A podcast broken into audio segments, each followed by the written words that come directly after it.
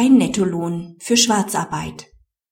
Bei Schwarzarbeit wird sozialversicherungsrechtlich eine Nettolohnabrede fingiert. Diese gesetzliche Fiktion hat aber keine Auswirkung auf das Arbeitsrecht. Der Arbeitnehmer kann keinen Nettolohn verlangen. Die Arbeitnehmerin ist in einer Spielothek als geringfügig Beschäftigte auf 400 Euro Basis angestellt. Die Arbeitgeberin führt die Pauschalabgaben entsprechend ab. Tatsächlich leistet die Arbeitnehmerin aber 165 Stunden monatlich und erhält weitere 900 Euro plus Umsatzprovision ohne Abzug von Lohnsteuer und Sozialversicherungsbeiträgen. Der Arbeitnehmerin wird im April 2006 ordentlich zum Ende Mai gekündigt. Im anschließenden Kündigungsschutzprozess wird die Wirksamkeit der Kündigung rechtskräftig festgestellt. Die Arbeitnehmerin klagt nun auf Annahmeverzugsvergütung und Urlaubsabgeltung auf der Grundlage einer Nettolohnvereinbarung und begründet diese mit dem tatsächlichen Verhalten der Parteien und 14 Absatz 2 Satz 2 SGB 4.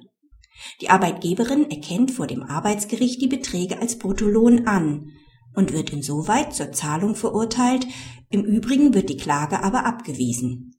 Auf die Berufung der Arbeitnehmerin hin verurteilt das Landesarbeitsgericht die Arbeitgeberin dann zu Nettolohnzahlungen.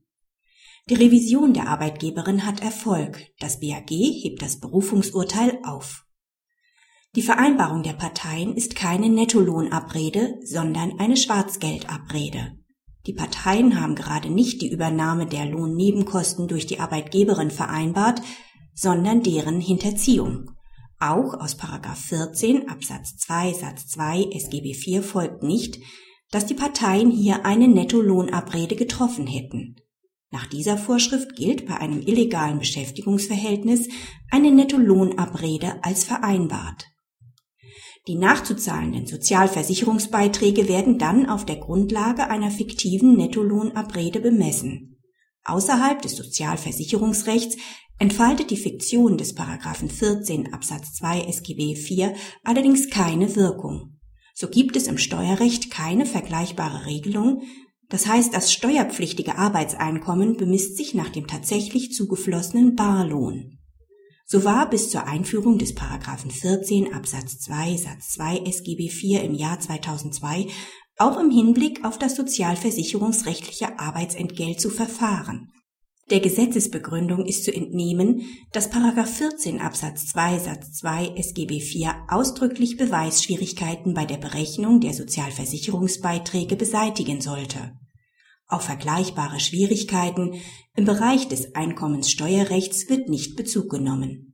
Das verdeutlicht die beschränkte Bedeutung des Paragraphen 14 Absatz 2 SGB 4 für das Sozialversicherungsrecht. Auch arbeitsrechtlich bleibt die Fiktion einer Nettolohnabrede ohne Bedeutung. Praxishinweis. Das BAG bestätigt die Rechtsprechung des BGH wonach die Wirkung des Paragraphen 14 Absatz 2 Satz 2 SGB 4 auf das Sozialversicherungsrecht beschränkt bleibt. Der Schwarzarbeitnehmer kann sich daher nicht darauf berufen, wenn er den Schwarzarbeitgeber auf Nettolohn verklagt. Die in der Folge auftretende Ungleichbehandlung von abzuführender Steuer und nachzuleistender Sozialversicherungsbeiträge entsprechen dem gesetzgeberischen Willen.